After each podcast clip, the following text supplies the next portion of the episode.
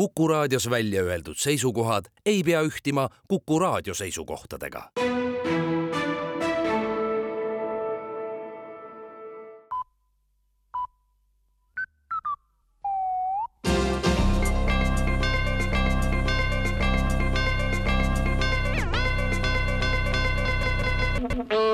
tere kuulama uudiseid stuudios Rohke Debelak majandusministeerium annab teada, et Eestisse tuumajaama rajada sooviv Fermi Energia on töödega alustamas. eelprojekteerimisest on samm edasi astutud ja peatselt algavad reaalsed ehitustööd. Projektijuhe juhi Sandor Liive sõnul kaevatakse esimese asjana Letipea küla lähedusse kilomeetri sügavane mäluauk, mille kasutusvaldkond on mitmekesine. peamiselt on mäluauku vaja sellisel juhul, kui tuumajaama ehitamiseks on kulunud sajad miljonid eurod ja jaama endiselt keegi tuvastada ei suuda. siis saab käivitada tuumajaama projekti teise osa ja kutsuda turistid vaatama maailma kõige sügavamat ja kallimat kollektiivse mäluauku ja jätkame teadusteemadel. täna saabub Eestisse ajajuhtimisteadlaste uurimisrühm Brüsselist, et uurida riigis avastatud fenomeni. kuna üldiselt teadaoleva info kohaselt vihatakse Eestis juute, homosid, mustanahalisi, kollasnahalisi, pruuninahalisi, samuti vihatakse venelasi, eriti vihatakse moslemeid ja üle kõige ei sallita üksteist, samas aga käiakse kogu aeg tööl, vaadatakse rekordarv tunde päevas telesaateid ja tarvitatakse rekordilised kogused alkoholi, oli, siis ongi uurimisdelegatsiooni üheks ülesandeks selgitada välja, kuidas inimesed selle kõige jaoks aega leiavad.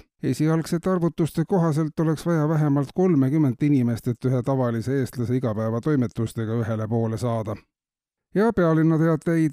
Tallinna linnavalitsus teatab, et kommunikatsiooni valdkonnas linna palgal olevate inimeste hulk kasvab lähinädalatel. suurenev kommunikatsioonivajadus on linnapea sõnul tulenemas sellest, et meedia ja avalikkus tunneb üha rohkem huvi, miks kommunikatsiooniinimesi linnas nii palju palgal on. hetkel on see arv kaheksakümne ringis, kuid mida rohkem küsitakse, seda rohkem peab olema neid, kes ka vastavad. senised kaheksakümmend ei jõua ära seletada, miks neid on kaheksakümmend ja tööle tuleb võtta veel kaheksakümmend siis hakatakse kindlasti küsima, miks neid on sada kuuskümmend, siis tulebki seda veelgi paremini kommunikeerida ja kommunikeerijaid on tööle tarvis juba kakssada nelikümmend. linnapea loodab, et linnakodanikud saavad aru, et mida vähem nad küsivad, seda rikkam on linn ja seda parem on pealinnas elada, märgib linnapea teate lõpetuseks ja politseiteade ka. röövimiste arv on seoses majanduslikult keerulise ajaga taas tõusuteel, teatavad korrakaitseorganid ning igapäevane elu näitab, et röövimiste eest ei saa ennast kindlalt tunda mitte ükski sotsiaalne grupp vastavasisulisi teateid ja väljakutseid saab politsei iga päevaga üha rohkem, eriti hull on olukord pealinnas. ka täna hommikul helistas politseile vanem meesterahvas, kes teatas, et valitsus röövib teda.